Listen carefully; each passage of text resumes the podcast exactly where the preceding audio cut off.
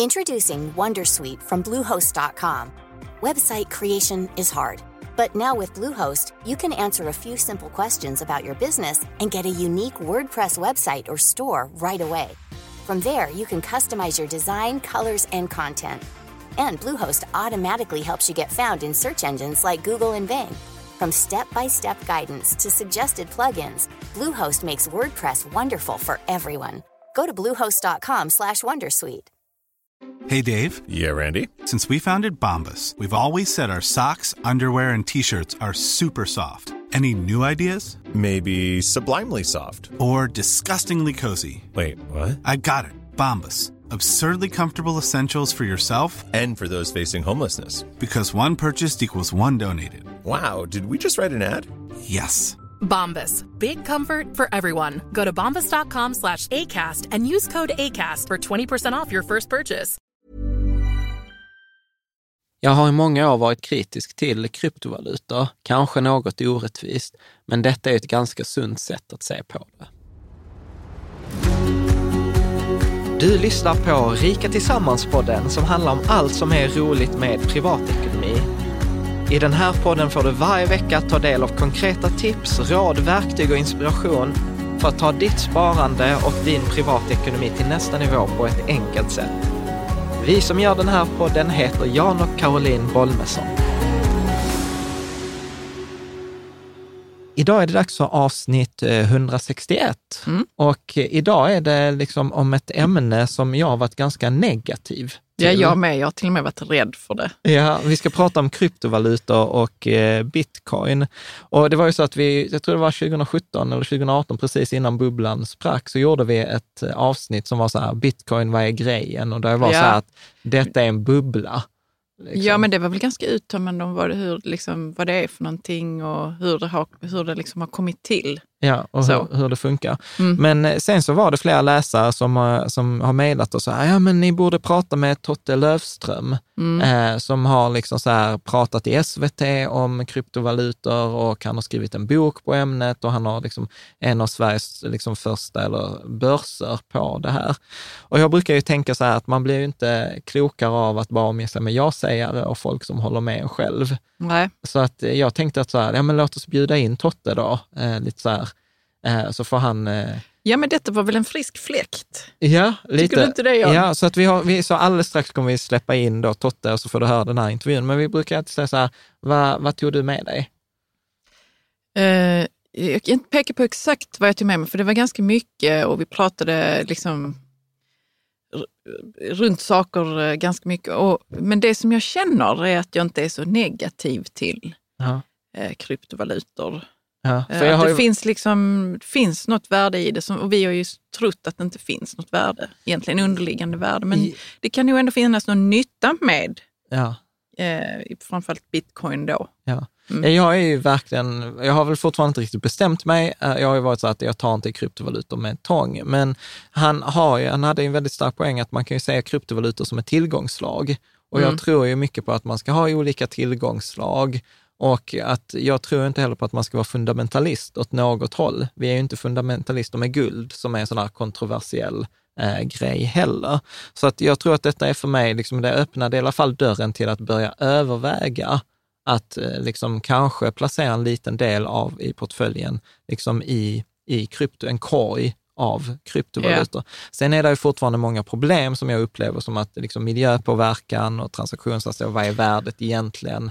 Spekulerar jag på så här greater fool theory eller så här. Men jag tyckte det var väldigt intressant och sen så gillar jag jättemycket att, eh, att han inte är så här han, han beskriver sig själv som sunt skeptisk. Ja. Att det är liksom inte den här eh, evangelisten, det är ingen liksom, sånt. Så att det, Nej, det han försökte inte övertyga oss eh, Nej, kring, kring, något, något saker, utan vi hade, en, vi hade en diskussion. Och även om man inte känner så, att man är det minsta intresserad av kryptovalutor, så har man, jag tror man har nytta av att lyssna på det här. Ja, lite vad- lite så, vad, vad som skulle kunna ske framtidsmässigt med kryptovalutor. Ja. tyckte jag var jätteintressant. Ja.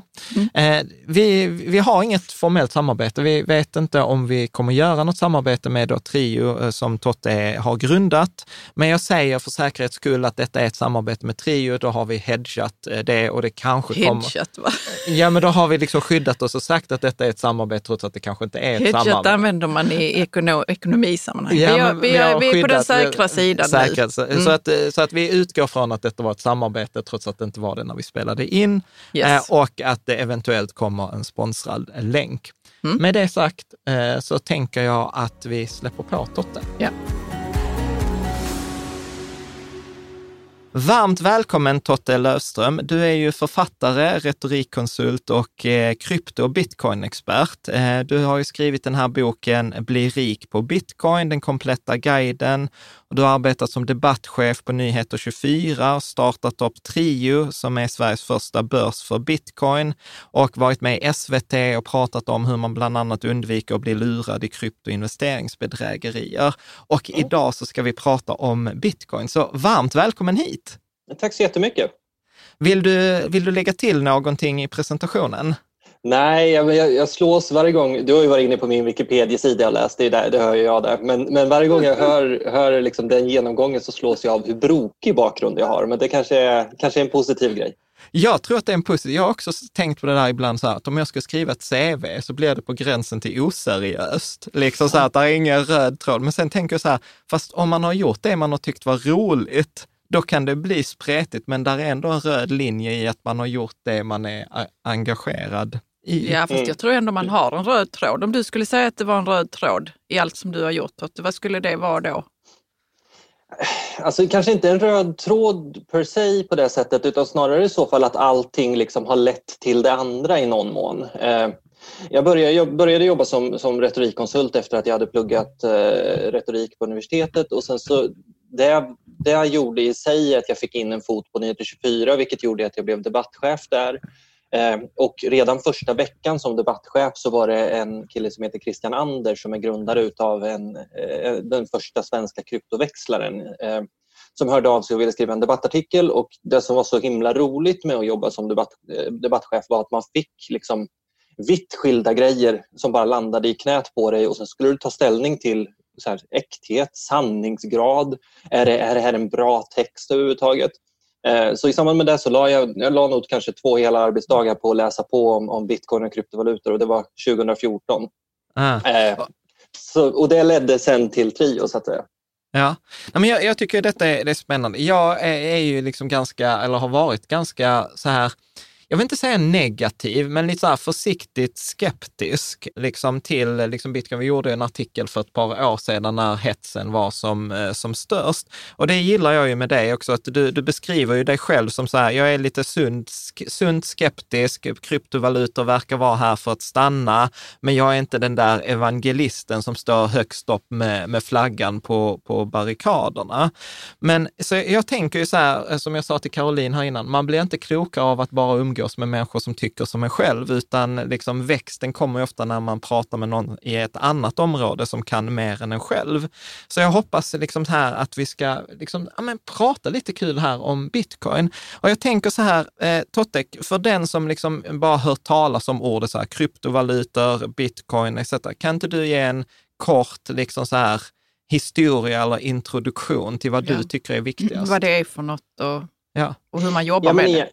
Ja, precis. Alltså så här, det, som, det som kryptovalutor är, den vanliga de, definitionen är att det är decentraliserade pengar, skulle man kunna säga.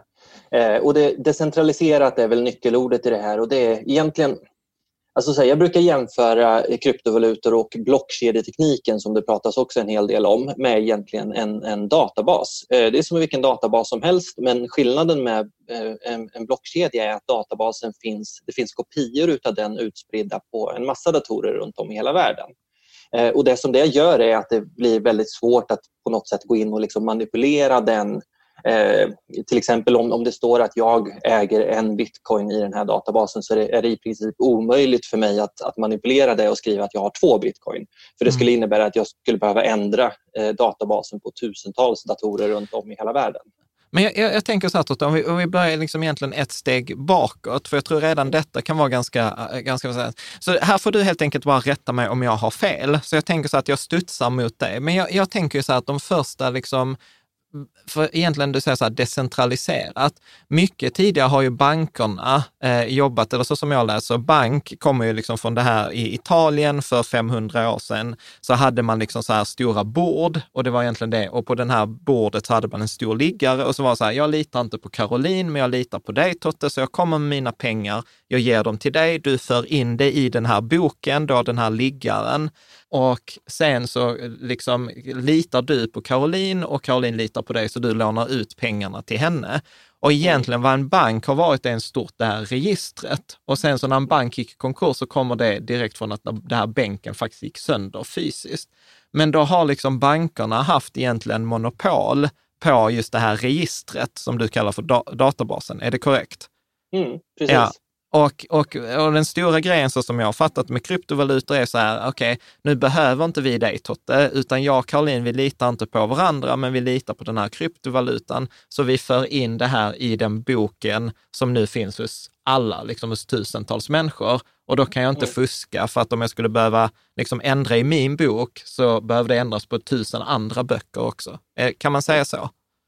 Ja, definitivt. Eh, sen så med det sagt, alltså så här, jag tror eh, ofta när man diskuterar kryptovalutor och, och bitcoin i synnerhet så hamnar man ofta i liksom diskussioner om, om liksom blockchain-tekniken och, och hur man för bok och liksom hur det funkar. Problemet med det är att det blir ganska tekniskt och ganska liksom finanstekniskt eh, mm. snabbt. Eh, jag tror att liksom för vanliga människor så är det ganska irrelevant. Jag, jag vid tidigare tillfällen har jämfört med att liksom förstå eh, blockkedjetekniken i grunden. Och liksom, det är ungefär lika viktigt som det idag är att förstå HTTP-protokollet som är liksom kommunikationsprotokollet som ligger till grund för hela internet. Eh, och Jag hoppas också att vi kommer nå en punkt där, där folk kanske är mindre bekymrade över hur blockkedjetekniken fungerar eh, och kanske mer intresserade av, av liksom kryptovalutor som ett finansiellt instrument istället. Men kan du inte berätta nu, eh, kryptovaluta, skilt från blockkedjeteknik? Nej, vi skiter i blockkedjetekniken nu. Vi har avhandlat den. Okay. Ja. Eh, vad är en kryptovaluta för någonting? Är det liksom, kan, jag ha den, kan jag ha den valutan i handen eller finns den bara på datorn? Eller hur funkar det egentligen?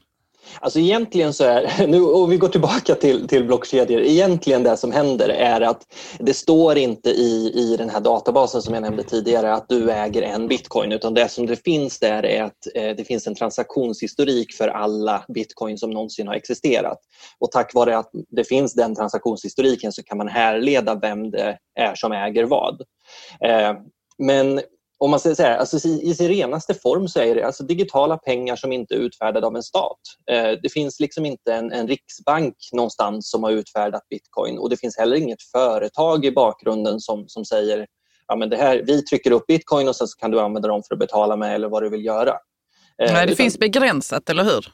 Ett begränsat antal som kommer tryckas mm. upp. Sen så är det lite eh, en sanning med modifikation eftersom eh, det redan idag så finns det olika typer av lånetjänster som i praktiken gör att du kan trycka upp, eh, ja, trycka upp fler bitcoin. Men, men i sin renaste form så är det 21 miljoner bitcoin som någonsin kommer finnas. Mm. Och det räknar man med att det ska finnas år, jag tror att det är år 2021 40 eller något sånt där. Så det, det Men du pratar, om att man, du pratar om att man trycker upp dem. Jag förstod det som att man minar ut dem någonstans eh, virtuellt. Liksom.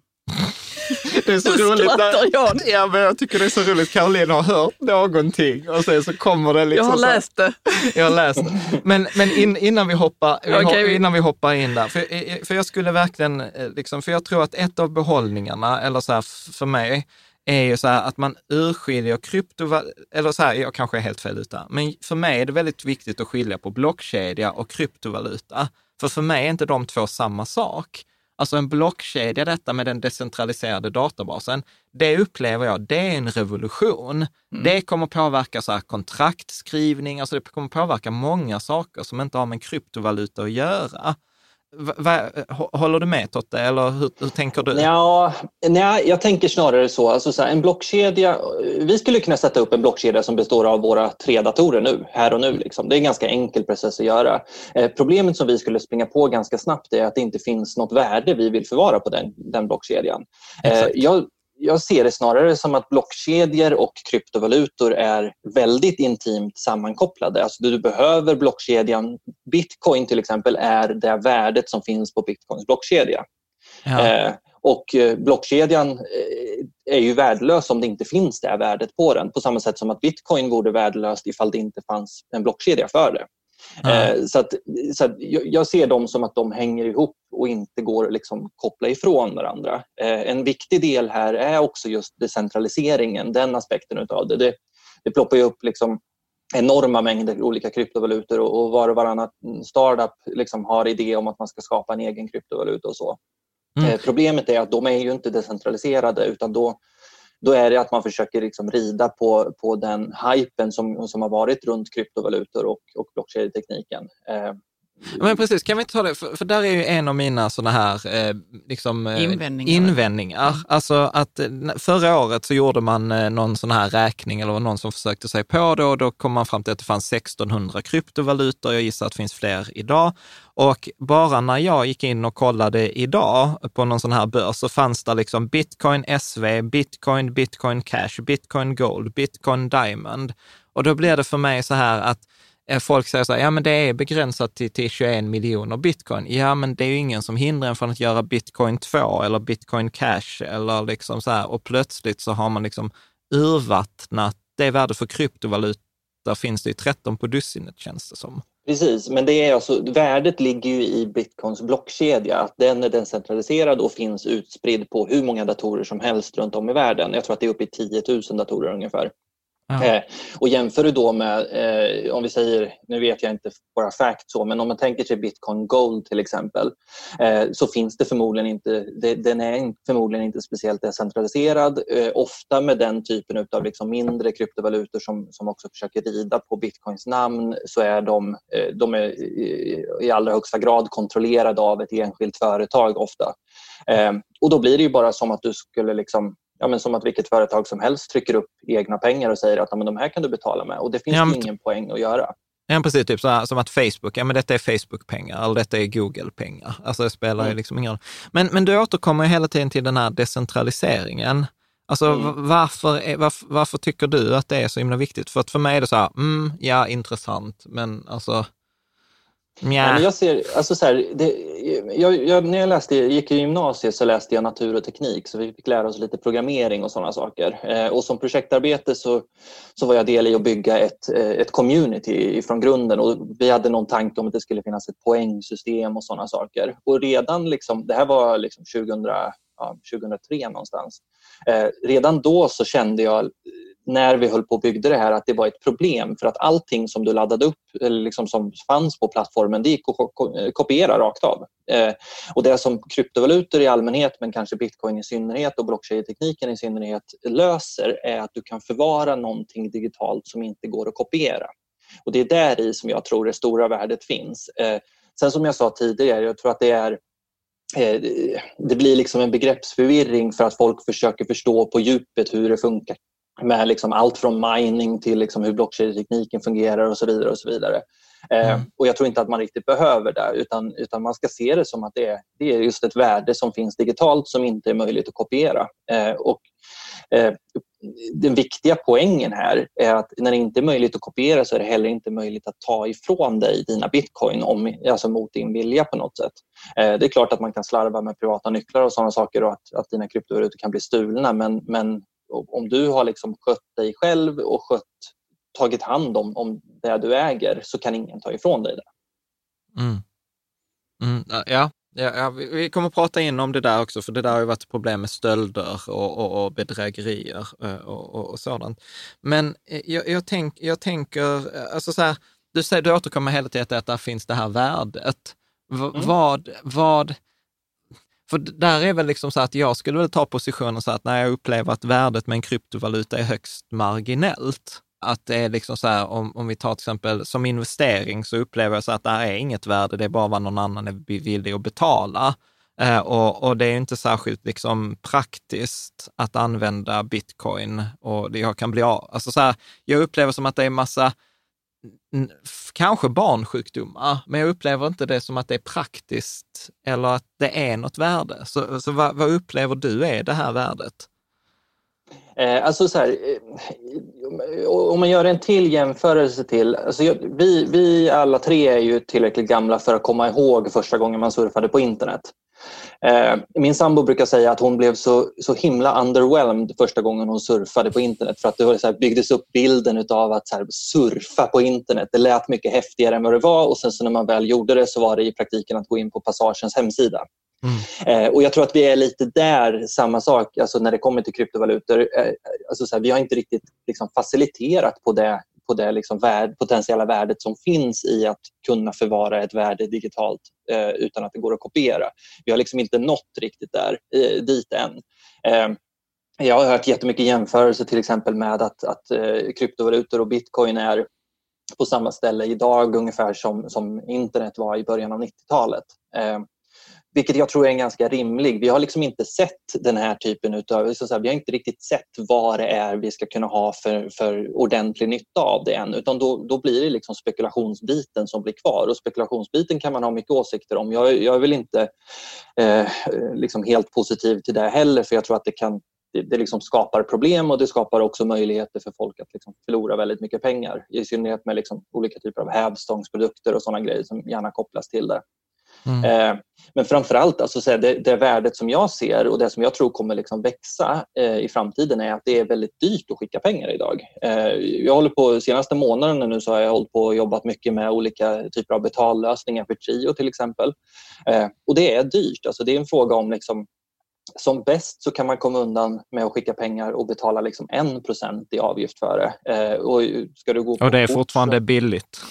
Ja, precis. Och, och, kortbetalningar till exempel det kostar, kostar 5% att göra.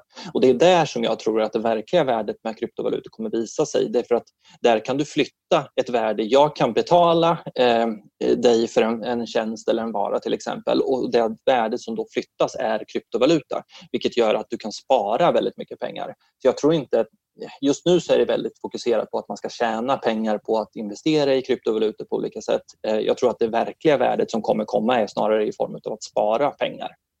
Men eh. hur, kan du inte bara berätta lite mer om vad du tänker dig att fram, hur framtiden ser ut med det här eh, med kryptovalutor och värdet som förs fram och tillbaka och så. Nej, men jag, jag, För jag, jag, jag, hänger inte med, vem ska använda det? Nej, ska vi ta, använda det? Ta, vi... Jag kan ta ett exempel, ja, så, kan, så, kan Totte, så kan fundera på ett annat exempel. Nej, men till exempel så här, ibland så får vi intäkter via en amerikansk sajt. Mm. med? Och då, ska vi, då får vi säga till exempel nu häromdagen så fick vi 5 000 US-dollar och så skulle jag föra över dem till Swedbank. Då ja. fick jag först betala 1 procent för att föra dem från företaget till Payoneer, som det heter. Och sen fick jag betala 2 procent för att flytta dem från Payoneer till Swedbank. Och det spelar mm. ingen roll om det är Paypal eller Payoneer eller något sånt. Så att eh, av de här 5 000 eh, US-dollarna så tror jag att jag fick betala 400 eh, US-dollar i avgifter. Ja, mm. och, och, ja det suger ju. Och det suger. Och det ja. finns inget alternativ. Det är inte som att säga, nej men Jan är slarvig, utan det finns ett bättre sätt. Nej, det finns inte ett bättre sätt. Mm. Men hur skulle det se ut med, med, om man använder kryptovalutor då istället? Liksom rent alltså, konkret. I sin renaste form så tänker man sig, kan man tänka sig att, att det företaget som ni fick betalt ifrån, eh, de har bitcoin och sen så skickar de bitcoin istället. Och då handlar det om, eh, lite beroende på liksom, eh, avgiften för att göra transaktioner varierar lite från, från dag till dag och timme till timme, men säg att det skulle kosta 20 kronor istället. Eh, så redan där så har du, ju, har du ju en väldig fördel i att ni hade sparat pengar på att, att ta emot en betalning i bitcoin istället. Och sen, och, eh. sen, och sen, är det väl mycket så att, det, alltså, det är ju inte vi så vana vid i Sverige, men till exempel det är inte ovanligt att det är folk som så här, från Bangladesh i Dubai och sen så jobbar man i Dubai mm. och sen så skickar man hem pengar till Bangladesh. Ja, ja absolut. Eh, och det är liksom så hela det där, det finns ju inte i Sverige, så Western Union, men det är ju jättestort. Vi har det, men det är, jag vet, jag vet bara ganska... invandrare som använder det. Ja, men mm. precis, att man vill skicka pengar till sina hemländer och det är en jättestor marknad. Det är ju många som har försökt lösa det problemet. Eh, ja. liksom. Men vad är det som säger att man inte skulle börja ta höga avgifter för att det uh, finns ju ingen part som kan ta höga avgifter. Det är ju det som är tricket. Där är uh, okay. ingen som bestämmer över den överföringen. Rätta mig om jag har fel här. Okay. Nej, men det är korrekt. Och sen så kom, kan man mycket väl tänka sig att det byggs upp liksom tjänster som, som hjälper till. Trio är ju på sätt och vis det också. Eh, en tjänst som hjälper till att underlätta. Eh, men det är ju fortfarande, vi har ju möjlighet att, att liksom pressa ner våra priser tack vare att vi i liksom kryptoänden inte har någon underleverantör utan att vi, vi gör det själva och när en, när en kund skickar ut pengar ifrån plattformen så görs det direkt till blockkedjan. Eh, Sen så, jag, jag hörde faktiskt om ett annat eh, liknande exempel i, eh, så sent som igår. Det finns ett norskt försäkringsbolag som försäkrar sjömän. Eh, jag har aldrig ens tänkt tanken på att det finns ett försäkringsbolag som specialiserar sig på just det. Men de hade, det är såklart för hela fiskerinäringen och, fraktnäringen som finns i Norge. Eh, men de hade också en kund i eh, jag tror det var i Filippinerna. Eh, och eh, där liksom, så att de har kunder som är försäkrade hos dem i Filippinerna och det kan vara liksom så här, så fort du liksom drabbas av en lit, någon liten skada eller någonting och behöver uppsöka en läkare så kostar det dig 200 kronor och de kron, pengarna får du tillbaka från försäkringsbolaget. Eh, problemet för det här norska försäkringsbolaget är att de betalar mer för att skicka 200 kronor till Filippinerna än än de själva 200 kronorna. Så att liksom kostnaden för dem blir i princip det dubbla. Mm. Eh, så de har svårt att liksom hantera den typen av små transaktioner för det blir så himla dyrt. Eh, och om de då tänker sig, man tänker, bakgrunden var just att de tittar på kryptovalutor och i synnerhet bitcoin för att göra den typen av mindre transaktioner för att spara pengar. Ja, det makes eh. sense. Men det, vet du om det finns någon som använder kryptovalutor på det viset nu? Eh, ja, alltså det finns. Och så, så här, jag tycker man märker mer och mer också. Alltså när, man, när man köper in saker internat från internationella underleverantörer till exempel så det dyker upp oftare och oftare att de accepterar bitcoin som betalning. Eh, och så här, jag tror att det är, en, det är en fråga om mognad. Liksom. Det måste mogna eh, innan, innan vi liksom har nått hela vägen där. Mm. Eh, sen så tror jag att med, med, med liksom allt det här sagt så tror jag att vanliga personer kommer liksom inte gå till ICA och köpa eh, liksom ett paket sojamjölk eh, och betala med bitcoin för att det är liksom inte praktiskt och det är inte det vi är vana vid att göra. Däremot så tror jag att kan, man kan tänka sig en situation där bitcoin är det faktiska värdet som förflyttas i bakgrunden. Eh, istället för att du har liksom, du måste betala pengar till Visa för att få ta betalt med, med Visakort Eh, och sen så måste du dessutom ha en betaltjänstleverantör som ska agera mellanhand och som också köper in, har en underleverantör som trycker upp ter, kortterminaler och sen så ska pengarna in på banken. Och problemet är ju att det är så många mellanhänder som ska röra pengarna även när du bara gör ett sånt litet köp. Eh, så därför så tror jag att man, man kan tänka sig en framtid där, där kryptovalutor fyller funktionen som enda mellan, eller liksom underleverantör eller mellanhand så att säga. Men hur, hur är den här problematiken som att det finns ju så, så många olika kryptovalutor? Alltså så här, hur, hur vet man om det blir bitcoin eller ripple eller litecoin eller ethereum? Alltså hur, hur vet man vilken det blir? Alltså, olika, de, alltså till att börja med så tycker jag att man kan kolla på liksom kanske ja, men någonstans runt de topp fem största. De är intressanta. Eh, och resten är i princip bara liksom Alltså här, folk som har, har, utnyttjat möjligheten att skapa en kryptovaluta och i synnerhet runt 2017 så var det det var så himla hype där kring bitcoin och kring alla kryptovalutor så att det var så här, om ett företag tryckte upp en egen token, alltså en egen, egen valuta, så köpte folk den. Helt mm. utan att den hade liksom koppling till företagets eh, liksom aktier eller någonting alls. Utan man bara köpte det för att det, här, det ska gå upp i pris. Eh, och Det är typiskt bubbelbeteende men idag så har vi liksom kommit bort ifrån det där till viss del. Eh, och det, alltså så här, som sagt, topp fem kryptovalutor kan vara till en bra början att liksom fundera över ens. Eh, och inom, inom de liksom fem största så finns det också lite olika syften. Bitcoin är den största och den äldsta och den som, finns, som är just mest decentraliserad. Eh, och Det är också den som är mognast på många sätt. Eh, eh, och Syftet med den var från början att man skulle göra just liksom så här, det skulle vara ett, ett, alternativt betalmedel men med tiden så har det växt till att kanske fungera eh, ambitionen eller förhoppningen är väl i alla fall att det ska fungera som någon form av digitalt guld. Mm. Eh, som någon form av säker hamn när, när till exempel nu, som det sker just nu efter, i, corona, efter corona, eh, i spåren efter corona att, att Riksbanker trycker upp pengar på löpande band att du har liksom ett inflationsskydd i, bit, i bitcoin istället. Eh, tyvärr så är vi inte riktigt där än heller eh, utan när, när liksom börsen, världens aktiemarknader totalkraschade i, i mars där så hängde bitcoin med. Eh, så det är, det är ett tecken på att, inte, att vi inte är hemma än. Mm. Eh, Tittar man på istället ethereum så är tanken med det egentligen att du ska just ha smarta kontrakt som, som Jan var inne och nämnde tidigare. Smarta kontrakt som bygger på Eh, att när vissa händelser eh, händer eller inträffar så då utlöses, då, då triggas någonting automatiskt och det går inte att stoppa. Eh, det kan till exempel vara att istället för att om, om jag hyr ut en lägenhet och istället för att jag ska gå varje månad och vänta på att du ska betala räkningen så kan, kan vi sätta upp ett, ett, ett smartkontrakt istället som, som hanterar saken att det betalas automatiskt, det dras automatiskt från ditt konto varje, varje månad till exempel. Eh, smarta kontrakt är också, vi har inte riktigt nått så långt där heller eh, så att vi ser liksom de faktiska användningsområdena men, men eh, förhoppningsvis så kommer vi dit också. Jag tror att till exempel aktier kan bli en sån grej, att man kan förvara aktier på i, i, Ethereums blockkedja och att där kan det finnas ett stort värde. Att man liksom kapar bort mellanhanden i form av eh, clearinghus. Mm. Typ Avanza och Nordnet, tänker du? Nej, Avanza och Nordnet använder ju också clearinghus i, som liksom underleverantör som är de som liksom keep, keep the books för okay. Avanza och Nordnet. Typ Euroclear eh, eller något ja, sånt? Ja, precis. Eh, och jag vet faktiskt att Euroclear kollar ju... Eller, ja, jag tror att Euroclear, men jag vet att det är andra eh, clearinghus som, som kollar på möjligheten att använda blockkedjeteknik istället just för att göra det på ett effektivare sätt och liksom göra det mer... Till exempel så tycker jag att det är ganska absurt att här, om du säljer fonder så tar det liksom 24 till 48 timmar innan du får pengarna. Här, mm.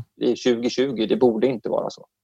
Jo, men jag, jag undrar varför blev det en sån otroligt stor hype? Eh, vilket, vilket år var det? 2005? 17, 18, 17, 18. 17, 18. Varför blev det så stor hype då kring, speciellt bitcoin då var det väl? Eh, mm. Kan du inte gå in på det lite?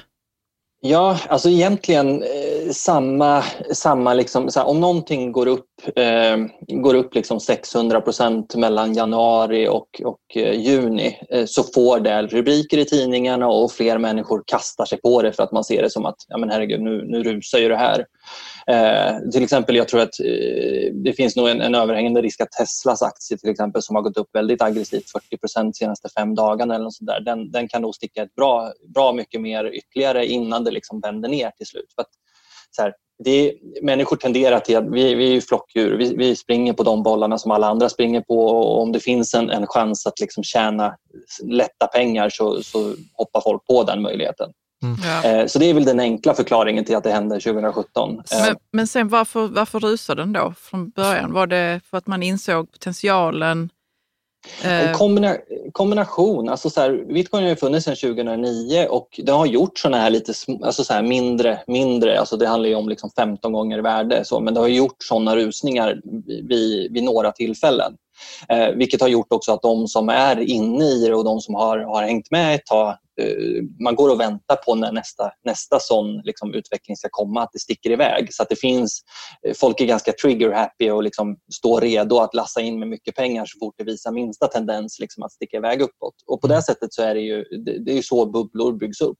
Mm. Eh, däremot så hade vi också i, i, i, slutet av 2016 och början av 2017 så var det ett, ett datorvirus som spreds eh, över hela världen egentligen som eh, det som hände när du fick det här viruset var att din dator låstes helt och hållet och det enda som, som stod var att eh, för att låsa upp din dator så måste du skicka lösensumma i bitcoin till den här bitcoinadressen. Så helt plötsligt då så fick bitcoin dels uppmärksamhet ifrån det plus att folk som aldrig någonsin hade köpt bitcoin eh, blev väldigt nervösa över att det är mycket företagsdatorer eh, som var liksom upplåsta på olika sätt och såg ingen annan utväg än att bara liksom betala den här lösensumman. Mm. Eh, så det drev på. Eh, sen så blev det, i och med att bitcoin gick upp så pass, och det var specifikt bitcoin, eh, som gick upp så aggressivt i början av 2017, så någonstans vid sommaren samma år så, så började det ploppa upp väldigt mycket så, så kallade ICO, alltså initial coin offerings, där, där man erbjöd olika typer, man kunde köpa liksom alla, alltså massa olika typer av kryptovalutor som var tänkta att de skulle användas på olika sätt fram och tillbaka och sådär. Eh, och sättet som man betalade när man köpte in sig i de här ICO-erna, eh, det var att man köpte bitcoin och sen så betalade man med bitcoin för att köpa för att liksom få, få de här nya kryptovalutorna. Mm. Så det gav liksom en extra eh, puff uppåt för, för bitcoinkursen. Ja, och sen, sen skulle jag säga så här, mindre sexig del av finansbranschen var ju så att bitcoin var ju oreglerat, eller är kanske fortfarande oreglerat till stor del. Så allt sånt som är förbjudet på aktiemarknaden mm. fick, kunde man ju göra på, i bitcoin. Så att det var ju mycket sådana här pump and dump, eh, mm. alltså att man liksom drog upp kursen till en viss nivå och sen bara sålde man av. Och, ja, men det var mycket eh, så här, vilda västern. Eh, ja. Liksom så här, så som och det, sker, Ja, sure. Och det skedde mest också i de, i de små eh, kryptovalutorna för att i bitcoin, så, bitcoin har liksom, det finns en sån, eh, sån så pass stor liksom, handelsvolym varje dygn så att det, det, är liksom, visst det finns folk med pengar som skulle kunna manipulera bitcoinkursen men det, är, liksom, det krävs enorma summor. Mm. Eh, däremot de små kryptovalutor så kan du, det kan räcka med liksom några hundra dollar så kan du påverka kursen väldigt aggressivt eh, mm. och om du dessutom då pratar ihop dig i någon, någon hemlig chattgrupp liksom, om att vid det här klockslaget så köper alla och sen så, så här, säljer vi alla vid det här klockslaget. Mm. Eh, men sånt, ju mer tiden går desto mindre sånt tycker jag att jag kommer i kontakt med också, vilket eh, nog får tolkas som en positiv grej. Mm. Mm. Precis. Bra. Jag, jag, jag, tänkte, jag måste ändå säga så att du har en ganska så här gemytlig syn på det. Ja, eh, ja men det låter spännande. Det låter ja. som framtiden. Ja, jag, nu tänkte jag vara så här lite trist. Jag tänkte ta så här tre, tre invändningar som, som jag ser. Mm. Det är väl förmodligen inte första gången du hör det. Men du pratar med en debattexpert här Ja, precis. Det är jag som ska akta mig. Nej, men, precis. Nej, men jag tror att det handlar till exempel så här, man pratar om eh, miljöpåverkan, alltså till exempel elektricitetsåtgången. Att jag såg någon mm. siffra på, jag tror det var Digi, Digi Economics eller något så här, att ja men typ bitcoin använder lika mycket, förbrukar lika mycket koldioxid som hela Burma, typ så här 29 miljoner ton och liksom använder lika mycket el som hela Algeriet eller liksom, eller så här producerar 10 000 ton eh, Miljöpåverkan. Ja. Och, och liksom den enskilda, nu vet jag inte heller om detta stämmer, jag har inte gjort här flera källor, men då skriver de som en enskild transaktion kan uppgå upp till 200 kilo koldioxid, ger upphov till typ 90 gram elektroniksopor. Att liksom just den här, den är inte så effektiv för den enskilda transaktionen. Um, mm. liksom ja, alltså både... Vi, ja, ja, kör. Nej, men alltså både ja och nej. Alltså jag tycker till att börja med, Alltså så här, det blir ju lätt så, jag förstår det perspektivet varför diskussionerna eh, hamnar, lätt hamnar liksom klim, kring klimataspekten av det. För att eh, klimatfrågan är en viktig fråga nu och det är väl såklart dumt att uppfinna nya grejer som liksom drar mycket el eller drar mycket energi på olika sätt. Eh, däremot, så här, man kan jämföra med lite andra grejer. Eh, titta till exempel på liksom vad det kostar att bryta guld liksom, i form av utsläpp varje år. Eh, och det, är så här, det är ju är ju liksom ljusår ifrån vad liksom kryptovalutor som helhet liksom befinner sig i. Eh, lite samma sak med, liksom, nu, har vi, nu är vi väldigt digitaliserade när det kommer till pengar i Sverige men, men i många, eh, liksom, största delen av världen så, så har man fortfarande kontanter och kontanthanteringssystem och sådana saker som också är liksom ljusår ifrån vad, vad kryptovalutor som helhet är idag. Har du siffror på det? Nej, kommer, kommer forskaren. Har du siffror på det så vi kan jämföra? Nej, men, men jag, ja, ja, men jag tänker till exempel så här, alltså vi und, nu minns jag inte, fan, detta ska man gjort research på, men jag vet till exempel Cornucopian, bloggrarna, han skrev så här, tittar man på en film på Netflix, det har ju också miljöpåverkan. Alltså el, alltså det ska streamas från liksom Netflix-servrar till vår egen server och skärmen är igång och sånt. Så att det är ju inte som att alternativet är så här, nej men om inte, titta nu pratar jag i din sak, det var ja, jävla bra trick. På med, väldigt alltså. bra trick att få mig att argumentera. Nej men så att, så att jag menar att man, Ja, ja, för mig är det lite problematiskt, men jag, jag, jag har svårt att sätta det i relation. Men man måste ju kunna lösa detta. Precis som att ja, eh, annars så ska vi bara skita i det. Vi skiter i att kolla på Netflix och vi struntar i kryptovalutor. Vi kan, ja, för, inte, vi kan inte gå bakåt i utvecklingen. Ja, fast, Hellre att man, att ja, man fast, löser problemet då. Ja, fast hur man, det nu ska gå till. Ja, men, men det är här vi kommer in. Kan du inte beskriva detta med liksom mining? För det var egentligen det jag ville spara ja, den här frågan mm. till. Eh, liksom. Kan du inte beskriva den här miningprocessen? Och, och, för det är den som jag förstår att det är den som ställer till det. Mm. Ja, nej men eh, förenklat så kan man säga så att eh, när, alltså så här, att få skapa nya block på bitcoins blockkedja till exempel, jag tar bitcoin som exempel. Eh, att få, när du skapar ett nytt block så får du också en liten belöning i form av nyskapade bitcoin. Eh, så därför så finns det ett väldigt incitament för de som är, liksom, som är miningföretag att få vinna den striden om att få skapa ett nytt block. Eh, och den tävlingen som används för att avgöra vem det är som får, får skapa det här nya blocket och också få den här lilla belöningen eh, det avgörs med vem som kan lösa en svår matematisk ekvation först. Så därför så primeras du av att ha så så ju mer kraftfulla och snabba datorer och liksom, ju mer datorkraft du kan, du kan lägga in liksom, i, i miningprocessen desto större chans har du att vinna den här eh, eh, rätten att skapa ett nytt block och då också få en liten belöning. Eh, och egentligen, alltså da, datorer är, ju, ju, kraftfullare dator du har, det betyder egentligen bara att du kan trycka in ännu mer el, alltså ännu mer energi för att få den att lösa ekvationen snabbare. Eh, så där ligger, det är där som, som problemet uppstår, att, att eh, eh, miningverksamheten bränner väldigt mycket energi för att man tävlar om att vara först med att, att lösa de här ekvationerna helt enkelt. Men är det inte så dessutom att om jag gör en transaktion, om jag köper någonting av Caroline, så måste det verifieras och det är väl också en sån här matematisk ekvation? Eller har jag missuppfattat det?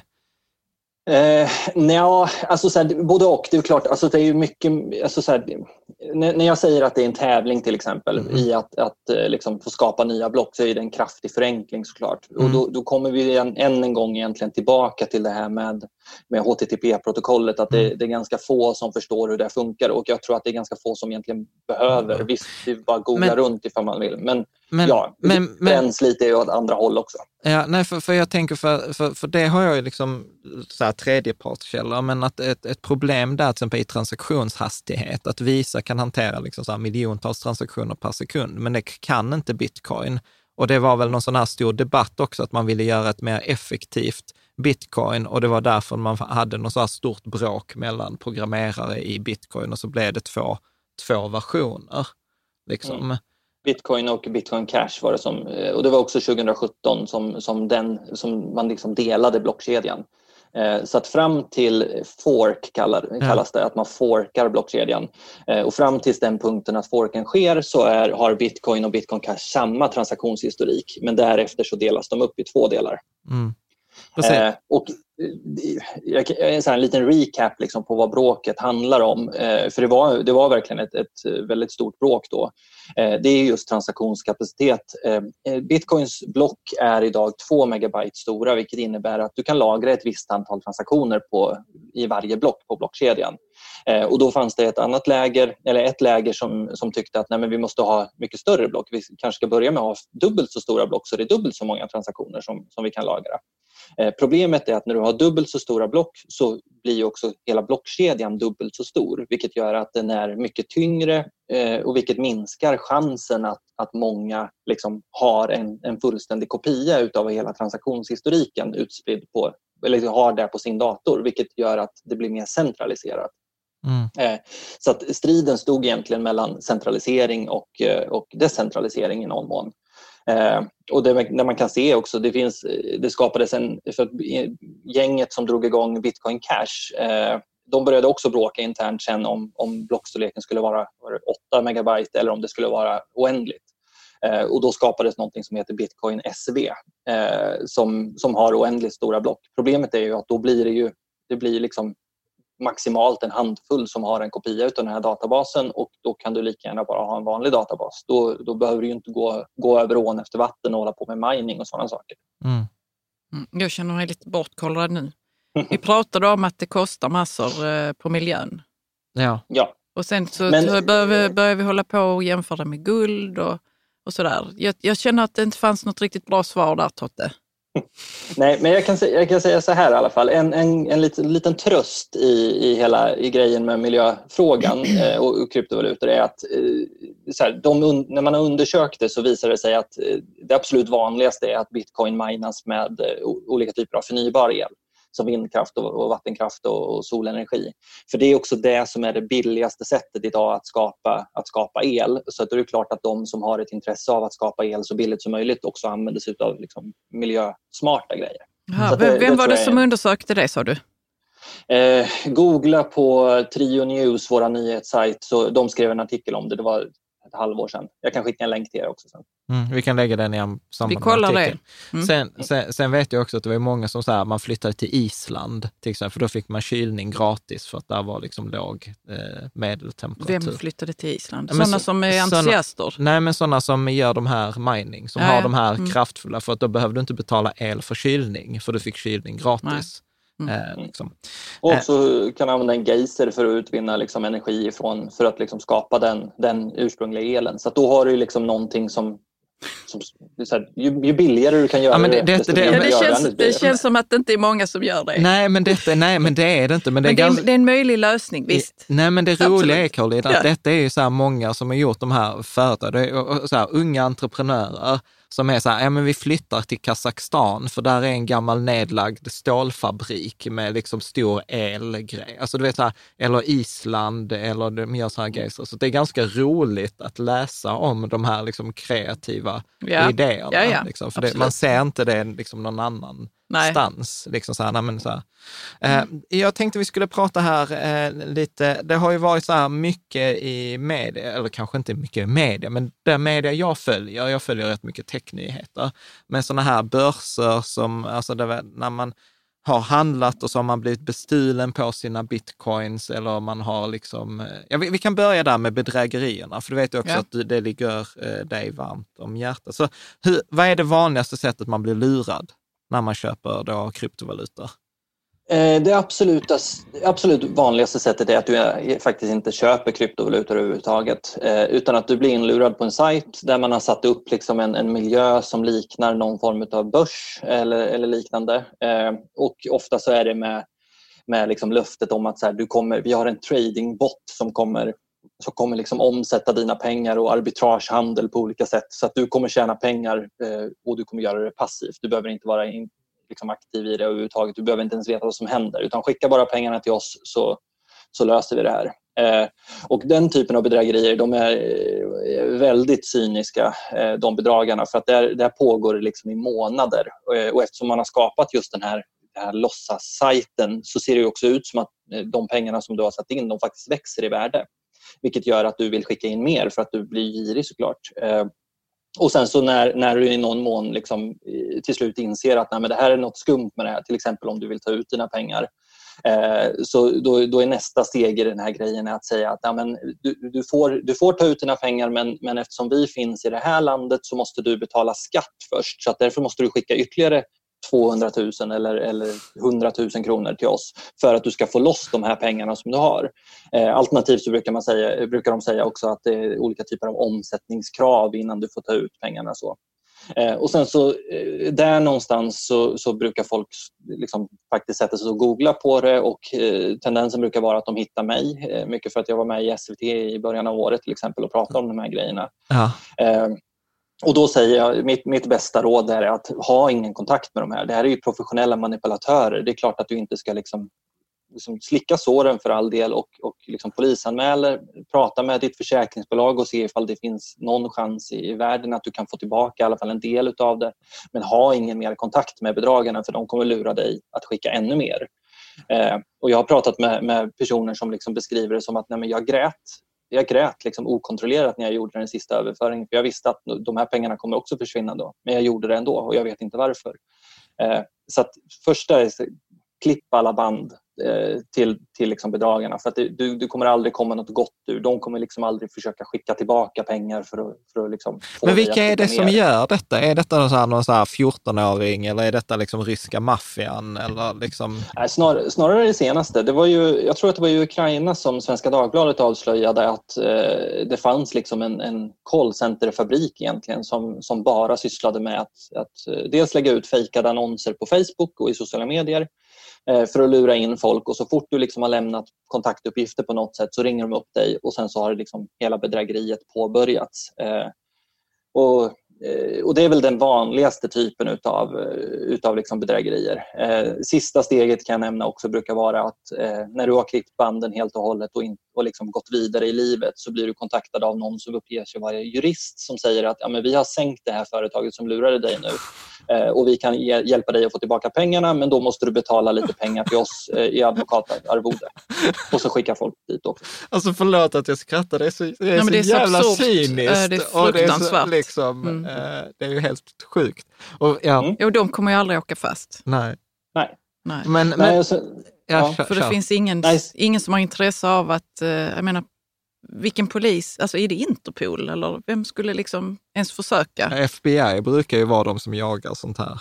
Ja. Jag kör du Totte. Ja, nej, men apropå polisen så det finns ju, de har ju inte löst något av de rapporterade fallen och det var liksom, eh, jag vet sommaren förra året så var det hundratals fall sa polisen själva när vi intervjuade dem eh, per månad eh, som rapporterades in. Så det, det är liksom många som blir lurade. Eh, och eh, i den mån, jag kan, jag kan irritera mig lite för att i den mån som media skriver om det så blir det gärna att man, man liksom vill förenkla så till en grad att det till slut är liksom så här, 57-årig eh, kvinna lurad på bitcoin. Alltså det blir liksom den typen av paketering trots att liksom så här, kryptovalutor har ju aldrig varit en del av det här utan det är ju det är ju samma som ifall, ifall jag skulle lura er att köpa liksom Tesla-aktier som inte finns. Eh, ja. Det är inte Teslas fel. Ja. Mm. ja. Nej. Men hur, hur ja, alltså, som det är den vanligaste, vad, vad, vad finns det mer för andra? Eh, andra är, eh, om man ska ta liksom den, den minst vanliga, det är att eh, olika typer av hack eh, och ofta olika typer av sociala hack. Eh, tendensen är, alltså sen när, människor är ganska dåliga har jag märkt på att ha, liksom, ha koll på sina egna lösenord och ha, se till så att lösenord är säkra och sådana saker. Eh, jag kan verkligen rekommendera att installera en password manager så att mm. du kan ha liksom, superavancerad lösenord på alla plattformar och, och liksom vara säkrare. Eh, men de allra flesta har liksom sitt förnamn och sen någon siffra och sen så är det lösenordet till Facebook och till din Gmail och så vidare. och så vidare. Eh, och tendensen som blir då är att när man har köpt eh, bitcoin eller ethereum eller någonting och har bestämt sig för att ja, jag ska inte ha det här hos en börs utan jag ska förvara min privata nyckel själv. Det man gör då är att man helt enkelt mejlar den till sig själv för att man inte ska tappa bort den. Så det som hackare gör är att man, man försöker ta sig in på din mejl och lyckas man med det så kan man förmodligen, om man har tur, eh, stjäla dina kryptovalutor också.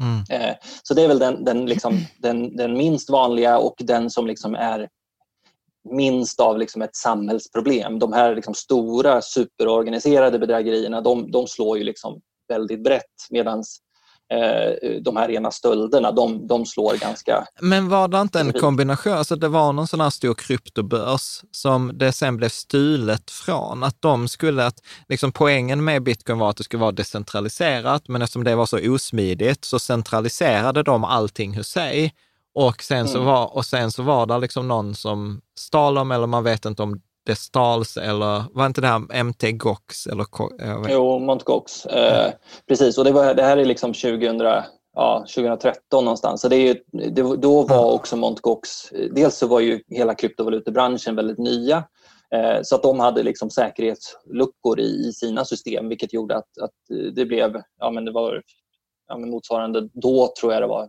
450 miljoner dollar eller något sånt där motsvarande som blev stulet. Fattar, fatt, eh, förlåt, förlåt. Alltså, Karin, fattar du hur mycket pengar detta är? Så hade vi så här, någon kriminell organisation bara själv 4,5 miljard. Alltså det är så här, du, du, vet så här, ja, det är på filmnivå liksom. Ja, men det är så här vilda västern, kapa ett guldtåg liksom. Det är den ja. nivån där på. Ja. Eh, nej men och sen så har det hänt såklart väldigt mycket utvecklingsmässigt kring, kring liksom kryptobörser sen dess. Man har en helt annan typ av säkerhet idag och man jobbar mycket mer med säkerhet för att man vet vad som kan hända. Eh, så att den, den vanligaste typen av hack mot kryptobörser idag är att, att folk eh, ja, men till exempel har ett dåligt lösenord och sen så uh, utnyttjar hackare det systemet för att liksom ta sig in och stjäla. Eh, I den mån som uh, i vissa fall så, så har det hänt också liksom att man har utnyttjat, man har tagit sig in på användarnas konto och lyckats stjäla kryptovalutor därifrån just för att börsen var byggd på ett dåligt sätt. Eh, det finns sådana exempel också men, mm. men det sker mindre och mindre och i den mån det sker så är det mer och mer riktat liksom mot individuella personer, inte mot liksom börsen som helhet. Så att säga. Ja.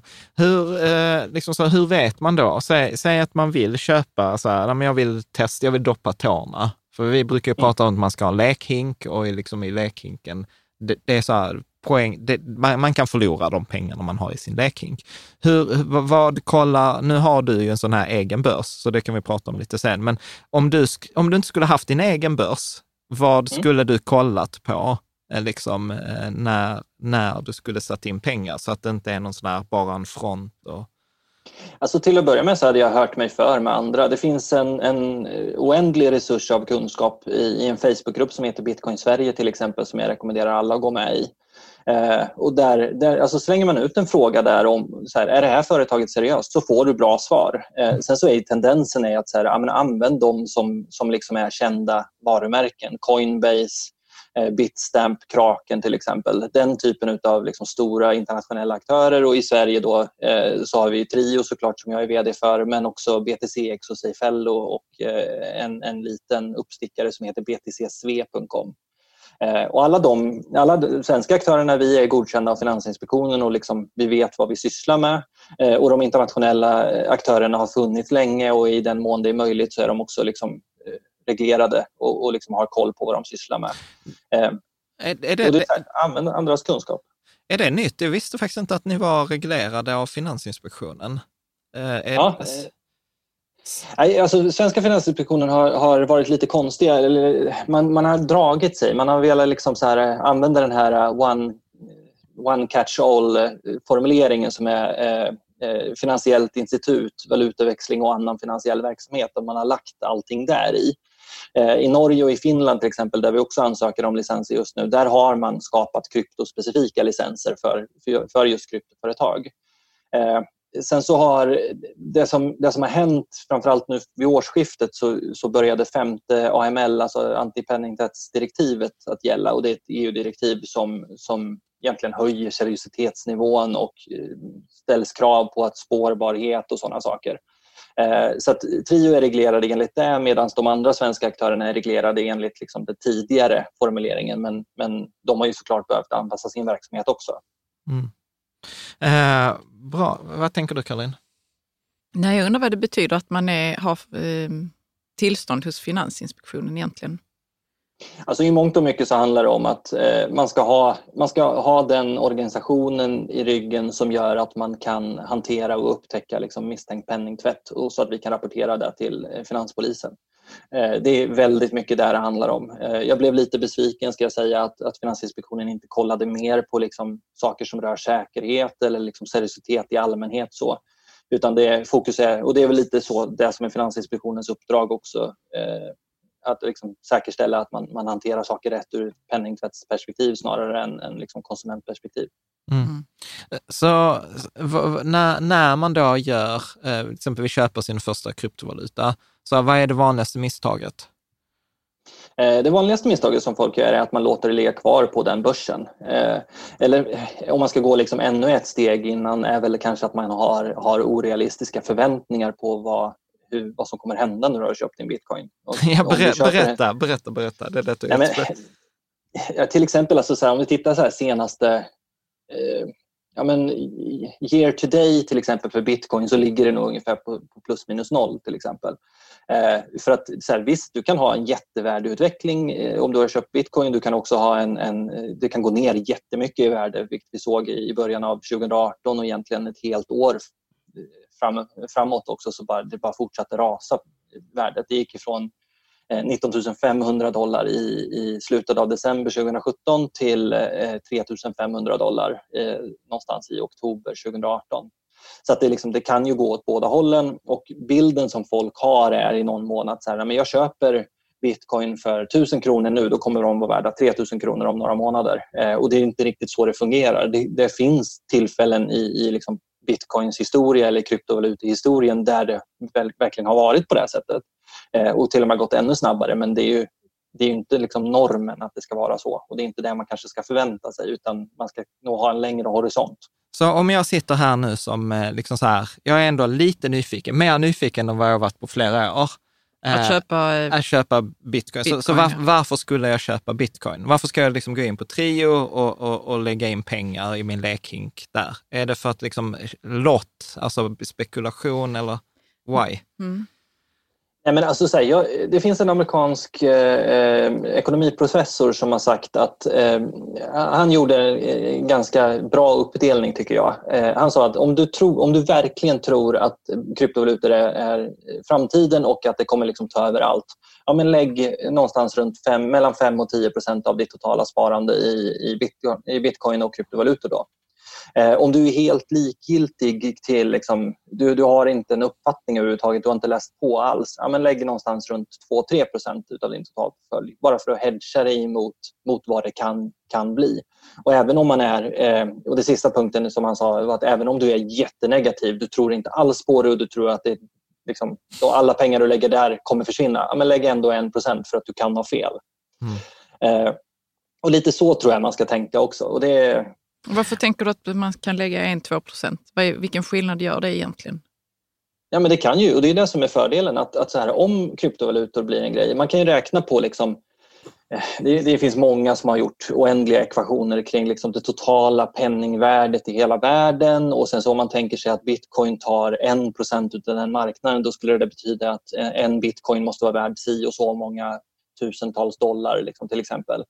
Eh, så att egentligen att man hedgar sig för att så här, ja, men det kanske blir väldigt mycket större än vad, vad vi kan föreställa oss att det kan bli idag. Och det är så, jag tror att det är så man bör se på det, att, eh, att det är liksom en, en chansposition.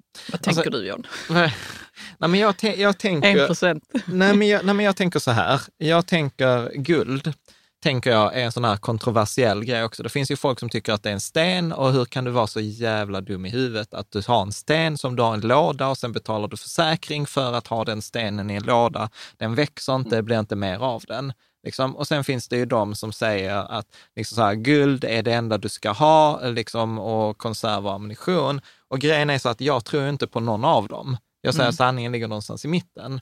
Och jag är väl liksom beredd att använda, och så säger vi också så här, men ha ett par procent guld i portföljen. Så att för mig är, är ju liksom det här med att se det som ett, som ett alternativt tillgångsslag.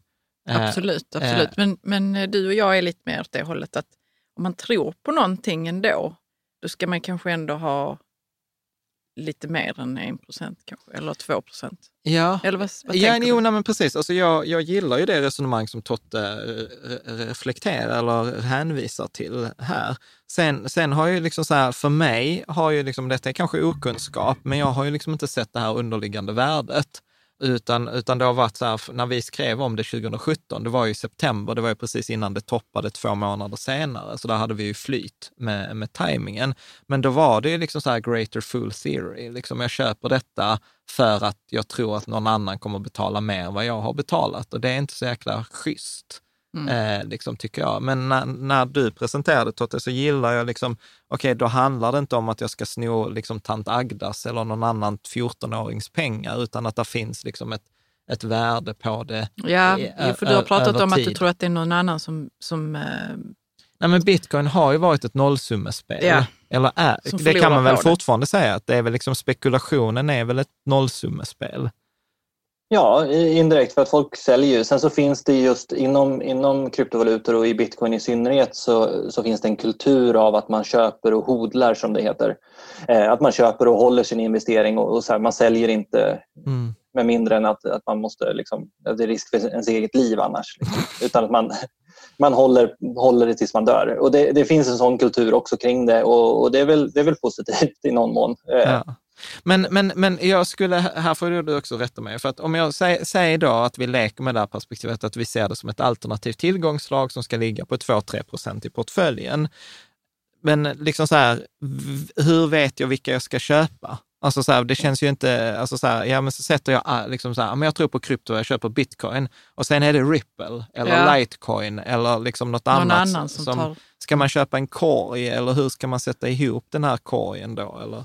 Hur, hur ska man Nej, alltså, tänka? Alltså, det, beror, det beror på hur avancerad man vill vara. Alltså, jag tror att eh, för de allra flesta människor så är det, är det fullt gott nog att bara gå in och köpa bitcoin eh, och sen så vara nöjd så att man inte behöver trassla in sig och kolla på liksom andra.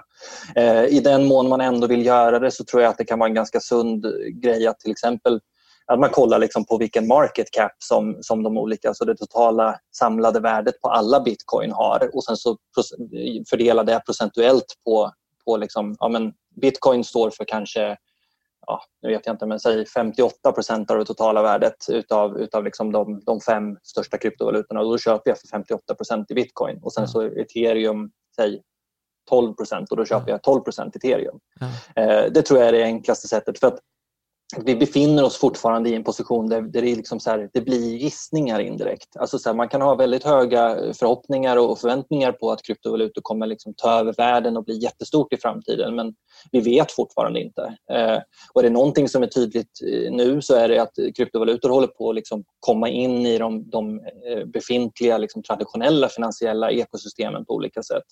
Eh, och den tror jag, alltså så här, det gör det bara ännu svårare att förutspå vad det kommer vara om liksom fem år eller om tio år. Mm. mm. Men eh, Totte, du har ju en kryptobörs. Mm. Vad, vad tjänar du på att folk eh, handlar där? Ja, vi tar ett courtage på samma sätt som Avanza och Nordnet gör. Vi tar en liten avgift per köp som görs. Eh, och vad är det, vi... hur, hur stor är den avgiften? Eh, just nu så är den avstängd. Vi har inte slagit på den än för att vi, vi prioriterade att växa istället. Eh, så vi har ingen. Men tanken är väl att man ska ligga någonstans kanske ja, men mellan 1 och 2 procent eller något sånt där. Eh, vi jämför oss ju ofta ja, dels med liksom internationella aktörer, vilken nivå de ligger på, men framförallt också de svenska och de svenska är, är väldigt mycket dyrare. Så att, och, och, det, och det jag får hos er, så säg att jag skulle vilja sätta lite pengar, då går jag in och ser och sen så kan jag köpa då de här bitcoin och ethereum och litecoin och, och de olika. Mm. Ja. Det är de vi har idag. Vi kommer lägga till fler, men vi har inte gjort det än. Ja.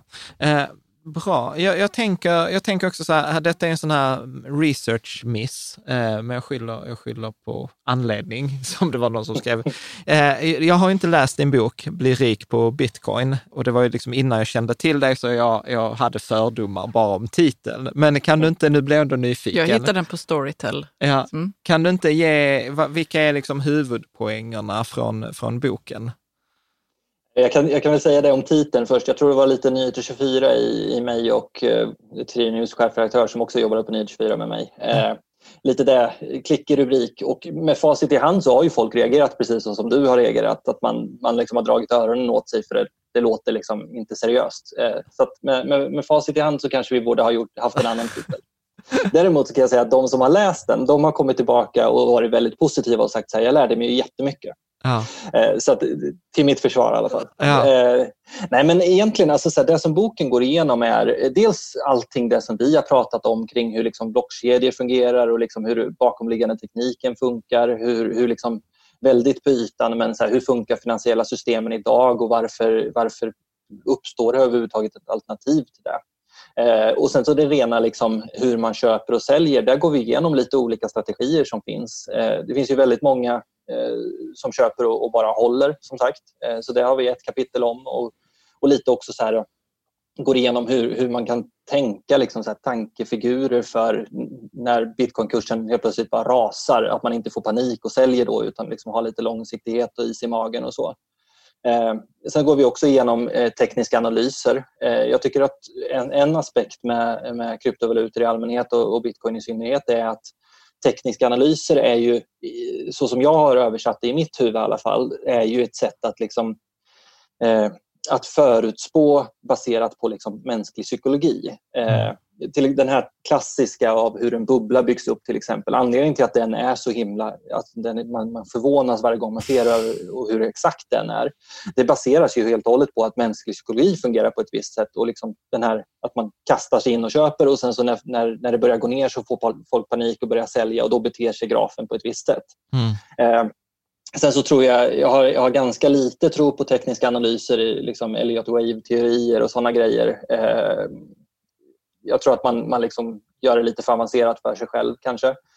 Eh, men, men jag tror att i någon mån så kryptovalutor är en ren marknad. Eh, du har inte en fråga, alltså tittar man på oljepriset till exempel som, som handlades på minus nu, i alla fall futures, future-kontrakten i USA handlade på minus nu tidigare i år. Det beror ju på att det finns ett underliggande värde. Det beror på att när du köper ett future-kontrakt så, så har du också bundit upp dig på att få x antal fat olja Eh, så att du måste ta med det i ekvationen och det tror jag rör till lite de här tekniska analyserna. Men mm. kryptovalutor är, är bättre ur det här perspektivet för att du har, det är ganska liksom störning, fritt från störning liksom i, i, i systemet i sig. Så det är, liksom, det är psyko, mänsklig psykologi som styr i hög grad. Mm. Det är roligt att se, för jag upplever det är samma sak när vi pratar om aktier. Det är ju samma beteende. Eh, bra, eh, en sån här dum fråga. Kan man månadsspara på det? För jag, jag är ett så här stort fan av regelbundet sparande. Ja, eh, vi skulle faktiskt ha lanserat den i, så sent som i mars och sen så vår betaltjänstleverantör fick problem med liksom den tekniska lösningen så de, de sköt det på framtiden. Mm. Eh, men vi, vår tanke är att vi ska lansera och mig veteligen så blir vi typ först med att göra det. Mm. Eh, och just med liksom autogiro och att det automatiskt dras pengar ifrån lönekonto och automatiskt köps mm. Eh, kryptovaluta. Mm. Eh, jag vet att det finns, jag tror att Coinbase har någon variant men där måste du manuellt gå in och sätta in pengarna först och då, mm då faller lite poängen. Ja, precis. Bra, jag tänker så här Caroline, är det någonting som du sitter... Ja, det känns som det, vi har missat massor. Okay, eh, för det är liksom... Det här är inte något som jag brukar gå och tänka på så mycket, bitcoin och kryptovalutor. Så då vet man heller inte riktigt vad man ska fråga riktigt. Nej. Men vi har ju nog försökt tömma ut de frågorna som vi har suttit med. Ja, precis. Ja, men jag, tror, jag tror nästan vi skulle kunna göra så här något frågeavsnitt sen också, om det är fler människor som tycker att ja, detta låter Om det dyker upp spännande. fler frågor från läsare och ja. tittare. Min, min så här favoritfråga, är det någon fråga du önskar att vi hade ställt? Mm. Eh, nej, inte på rak arm. Alltså, så här, det är ju, jag har ju varit med i lite olika poddar och sådana här saker. Mm. Det brukar vara mest tacksamt när folk inte har någon kunskap alls på förhand. För då kan man ändå liksom ha en, en, en liksom stringent linje där man, man berättar det som man på förhand har förberett sig att man vill förmedla. Så. Eh, ni har lite för bra koll, eh, vilket gör att det blir rörigare, men jag hoppas att tittarna och lyssnarna hänger med ändå. Mm. Ja, men det, det, tror jag absolut. Och sen vet jag också att ni har sådana här guider, har jag sett på er hemsida, som, man, som, vi, kan, eh, som vi kan länka till. Nej, men mm. Jag tycker ju detta så här, jag är så här positivt överraskad. Att ja, jag själv... men främst tror jag vi är överraskade över att det kan finnas ett värde i, ett underliggande värde i kryptovalutor. Ja, jag tänker äh, på det där att, att det har en funktion som eh, det som du pratade om i början, att eh, man kan använda det eh, för att föra över pengar ja. eh, mellan för olika aktörer. För att spara pengar egentligen? För att spara pengar, ja det visste inte jag. Det är ju som, det är ett underliggande värde kan man väl säga John? Ja, ja. Eller vad tänker du? Ja, jo, alltså, alltså där, där är nytta med, med det. Är nytta med det. Nytta med Och sen så tycker jag att du har ju berört väldigt bra de här liksom invändningarna, att det finns många kryptovalutor och, och sen att det inte handlar om just den här spekulationen. Eh, tror Nej, jag, utan, utan mm. Eh, det där blir jag lite nyfiken. Du måste ändå ha hållit på med aktier eller sånt innan? Eller, ja, ja, det har jag gjort. Ja. Och, du håller, eh. och du har kanske aktier nu med? Ja, Ja. Ja. ja eh, sen, så, sen så ska jag säga att dra igång en startup eh, som det tar två år innan man liksom kan lansera själva plattformen, det, det tenderar till att suga ut det sista värdet man har sparat. Men... ja. Ja, nej, precis. det kanske har byggt upp mer värde på vägen. Så det, ja. Mm. Nej, ja, nej, men jag gillar det för att, för du har ju liksom massa, alltså man hör ju det liksom när du pratar, att alltså, där är ju liksom en bakgrund, liksom hur det funkar med terminer eller futures eller liksom det här market cap, att se det som, eh, så att det är mycket som pratar in i min värld. Du, jag tänker så här, sista eh, som vi brukar fråga så här, om du skulle rekommendera en eh, bok, mm. Vad skulle du rekommendera för en bok eh, då? Det kan vara precis vad som helst. Ja, Eh, jag skulle vilja rekommendera eh, Max Tegmark. Eh, jag tror att den heter Human 2.0. Eller eh, Life 3.0. Life. Ja, 3.0 är det. Ja, ja. precis. Eh, ja, men den läste jag med väldigt stor behållning nu eh, för ja, något halvår sedan eller någonting. Jag tycker överlag alla, alla borde liksom sätta sig in i, i big data och AI och allting som rör, rör sånt. För att det, det händer, alltså så här, så här, jag brukar säga lite så här, så här, men det händer så mycket i, krypto, i kryptosvängen just nu. Alltså så här, det är ju, vi är ju inte i närheten av hur mycket det händer inom artificiell intelligens och sådana grejer. Eh, där tror jag verkligen man ska positionera sig kunskapsmässigt så att man vet vad det är som händer. För att rätt vad det är så är vi bara där. Ja, Precis. Och din egen bok, den heter då Bli rik på bitcoin, en snabb... Så kan du bli rik. Så kan du bli rik på bitcoin. Och den finns, jag har sett den finns på Adlibris, den finns på Bokus och Storytel mm. eh, finns den också. Du, Totte, ett fantastiskt stort tack eh, för att du har liksom ställt upp och du har svarat på massor av frågor. Och vi hoppas, alltså vi tror inte att ämnet är uttömt, Nej. utan eh, vi hoppas att få kanske bjuda tillbaka dig eh, lite senare. Mm. Så mm, att, det får ni gärna göra. Tack så hemskt mycket. I synnerhet om du börjar liksom, kursen börjar gå upp lite grann igen, då, då går intresset upp också. Så bara säga till. Ja, det var bra. Tack så mycket Totte.